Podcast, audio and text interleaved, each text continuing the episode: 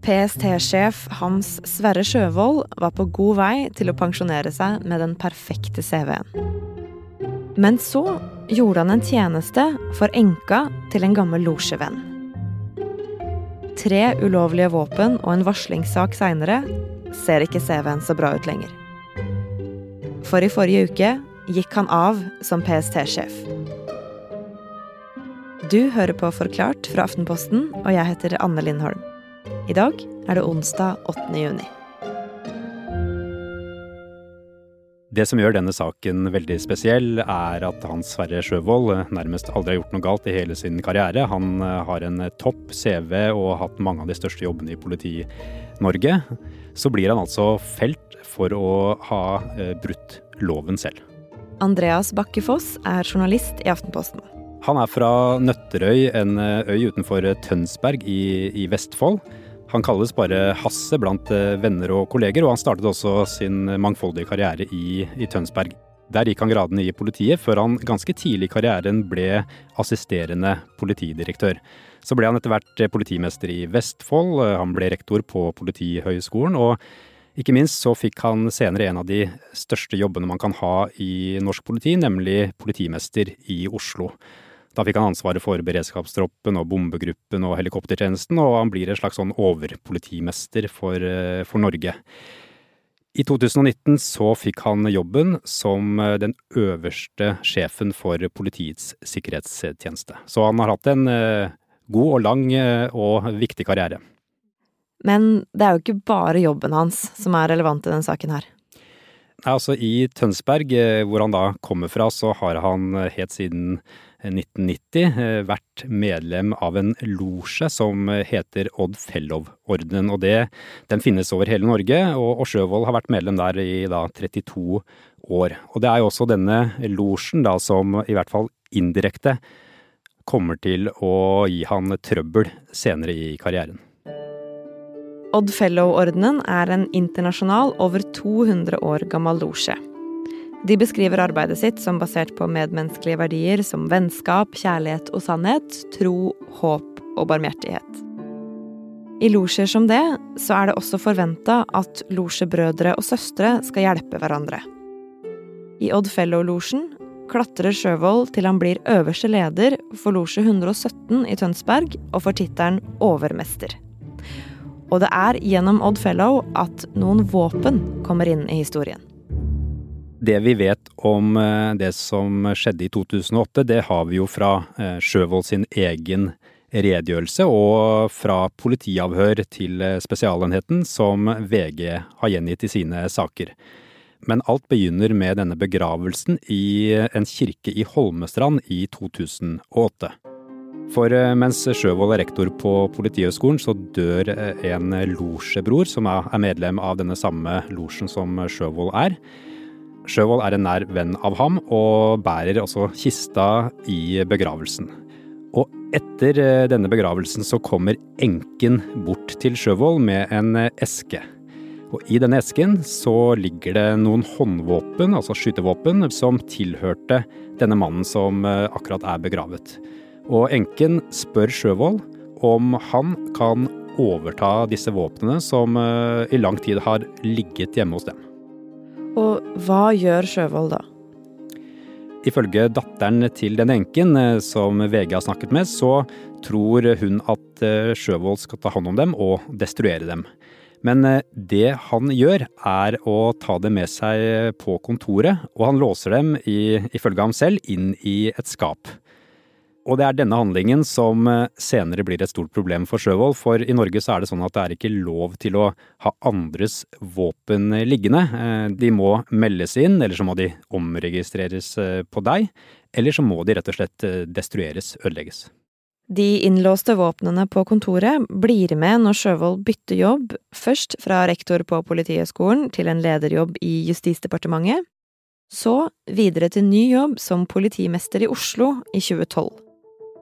Og mens han er leder for Norges største politidistrikt, så starter en varslingssak fra en saksbehandler på våpenkontoret.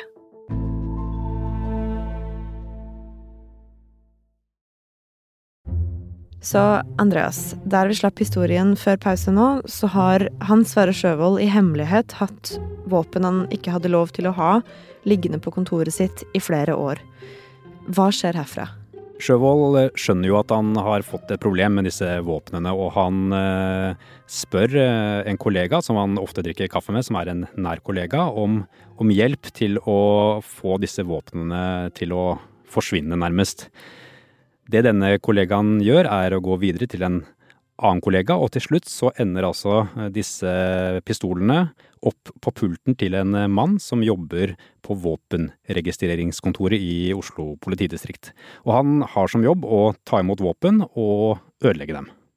Men eh, denne mannen sier nei når han blir spurt om å ta hånd om Sjøvold sine våpen. For han mener som våpenansvarlig at han ikke kan gjøre det, fordi reglene er sånn at alle våpen som skal leveres, skal også ha dokumentasjon. Og det har ikke disse våpnene. Og denne saksbehandleren på våpenkontoret bestemmer seg for å sende et varsel til sjefen sin om at han var blitt bedt om å gjøre noe for politimesteren i Oslo, som var imot reglene. Og Andreas, hva skjer når denne mannen på våpenkontoret sender det varselet? Nei, Ifølge VG sine saker så skjer det veldig lite, og denne mannen som jobber på våpenkontoret blir jo veldig skuffa over at ikke hans egne kolleger skjønner dilemmaet han eh, har eh, havnet i. Ifølge VG så har han forklart eh, i avhør til eh, Spesialenheten, som jo da er de som etterforsker eh, politiet, at han føler seg presset av kolleger, men også fra sjefer som da nærmest er pågående for å få han til å ta imot våpnene og bli kvitt dem, og bare ber han gjøre jobben sin. Men han nekter, og han sier han blir pressa så mye at han etter hvert må sykemelde seg. Og i mellomtida så får Hans Sverre Sjøvold enda en toppjobb. Han blir sjef for Politiets sikkerhetstjeneste sommeren 2019. Vi ser at det er flere høyreekstreme grupperinger på eh, internett. Og de oppfordrer da til bruk av terror som metode i deres egen sak. Og det er mens han er sjef for PST at det kan se ut som om den vennetjenesten han bestemte seg for å gjøre på kirkegården i 2008, tar ham igjen. Det som skjer er at eh, VG denne høsten, eh, bare noen måneder etter at eh, Sjøvold har blitt PST-sjef, avslører hele denne historien om at Sjøvold har hatt flere ulovlige våpen liggende i ulike skap i de ulike kontorene han har hatt opp igjennom. Og de forklarer litt mer om hvordan Sjøvold fikk disse våpnene, og hva han gjorde og ikke gjorde med det han fikk i hendene. Og reaksjonene de, de blir ganske sterke veldig fort. Og hvilke konsekvenser er det den saken får? Det som skjer ganske umiddelbart, er at eh, Spesialenheten for eh, politisaker, altså de som har som jobb å etterforske politiet selv, de starter en etterforskning eh, for å se om disse påstandene er riktige.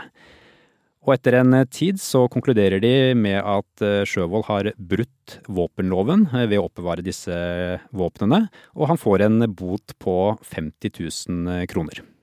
Spesialenheten de etterforsker også om Sjøvold eh, skal ha misbrukt stillingen sin ved å legge press på kolleger for å hjelpe han eh, med å få disse våpnene fjerna, men akkurat den delen av etterforskningen den henlegger eh, Spesialenheten. Og det er noe de senere har fått kritikk for. Ja, og Spesialenheten la jo vekt på at det var lenge siden han hadde hatt våpnene, og at han frivillig leverte dem inn i 2016, og at det var derfor han bare fikk ei bot. Men hva skjer med varsleren oppi alt det her? Nei, Det blir jo først kjent litt senere, men etter at Spesialenheten er ferdig med sin etterforskning og Sjøvold har fått denne boten, så får varsleren, som jo nektet å ta imot disse våpnene, et tilbud om 1,2 millioner kroner mot at han slutter i jobben i Oslo politidistrikt. Og det, det takker han ja til. I etterkant av at VG avslører dette, om at eh, denne varsleren fikk det tilbudet, så har politimesteren i Oslo, Beate Gangås, sagt at de skal granske hva som skjedde rundt denne pressituasjonen som, eh, som varsleren har beskrevet. Og de har også beklaget eh, måten dette ble håndtert på. Men vi venter på resultatet av den granskninga fortsatt? Ja, den er ikke ferdig, og det er litt uklart når den blir det, men den pågår fortsatt. Vi har ikke fått til å få en kommentar fra Sjøvold til denne episoden, men han har svart VG i sakene som de har publisert. Om starten på alt sammen så sier han at han tok imot våpnene som en vennetjeneste, og at de bare ble liggende. I VG sin første sak så sier han at han ikke så på våpnene som sine egne, og at han bare ble et langt mellomledd før de ble levert inn. Og så har han denne forsommeren sagt til VG at han ikke visste om erstatningssaken på 1,2 millioner, og heller ikke at varsleren som ble sykemeldt, etter hvert ble 100% ufør. Han sier han syns det var trist å høre om. Videre så sier han at han har gitt Spesialenheten for politisaker grundige svar i deres etterforskning, som nå er avslutta. Og derfor så mener han at det ikke er naturlig å kommentere saken noe mer. Etter at VG sin siste avsløring om erstatningssaken kom ut den 1. mai i år, så sa justisminister Emilie Enger Mehl at hun fortsatt hadde tillit til Sjøvold som PST-sjef. Men hans Sverre Sjøvold går av som PST-sjef etter VGs avsløringer om ulovlig våpenoppbevaring. PST-sjef Hans Sverre Sjøvold fratrer i stillingen som sjef for PST. Det skriver regjeringen i en pressemelding nå nettopp. I pressemeldinga fra regjeringa så er Sjøvold blant annet sitert på at tjenesten trenger en sjef som har sin fulle og hele oppmerksomhet retta mot å løse et meget viktig samfunnsoppdrag, og i så måte ha samfunnets tillit. Det har de siste ukene vært mye negativ oppmerksomhet retta mot min person. Hensynet til PSTs tillit i samfunnet og omdømmet må gå først, sa han der. Men altså, en måned etter at justisministeren sier at hun har tillit til han, så trekker Sjøvold seg. Og da sier justisminister Mehl at det var en klok avgjørelse. Andreas, hva er det som har endra seg på den måneden, altså fra Mehl tidlig i mai sier hun har tillit til Sjøvold, til at hun nå sier at det var riktig at han gikk av? Nei, Kort forklart så er det rett og slett eh, presset som har økt. Men det er jo sånn at statsråder de må ha tillit eh, til de som jobber under dem, helt til de ikke har det. Så hun kunne ikke sagt noe annet enn at hun har tillit til Sjøvold. Men eh, etter hvert som VG publiserte flere saker og presset økte, så ble også interessen fra opposisjonen på Stortinget mye større rundt eh, denne saken. Man ønsket å få flere svar om hva som hadde skjedd, hva Sjøvold hadde gjort, hva han ikke hadde gjort. Og også kontrollkomiteen på Stortinget begynte å engasjere seg i saken. Så jeg tror at mye av, mye av det som endret seg, var at presset rett og slett utenfra på å få eh, den fulle og hele sannheten rundt denne saken, eh, økte så mye at, eh, at Sjøvold tenkte at dette ikke går lenger. Så han valgte selv å gå av, og det var noe justisministeren støttet. Og hva skjer fremover nå, da? Noe av det første som må skje, er jo at Norge må få en ny sjef for Politiets sikkerhetstjeneste, og der må justisministeren ut på jobbjakt og finne noen som har lyst til å ha den jobben. I tillegg så blir det jo veldig spennende å se hva denne granskningen finner ut om hvordan Oslo politidistrikt håndterte denne varslingssaken mot sin egen medarbeider.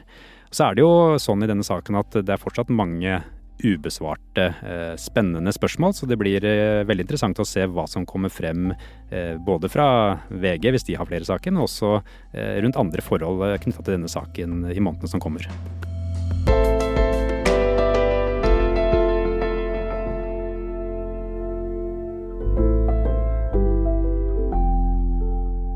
Du hørte Andreas Bakke Foss fortelle om saken som etter hvert gjorde at Hans Sverre Sjøvold trakk seg som PST-sjef. Det er produsent David Vekoni og jeg, Anne Lindholm, som har laga denne episoden. Resten av Forklart er Anders Weberg, Synne Søhol, Fride Næss Nonstad, Marit Eriksdatter Gjelland og Jenny Førland. Vi i Forklart er tilbake i morgen med en ny episode om en aktuell nyhetssak, sånn som vi er hver hverdag. Du kommer alltid til å finne oss der du hører podkast.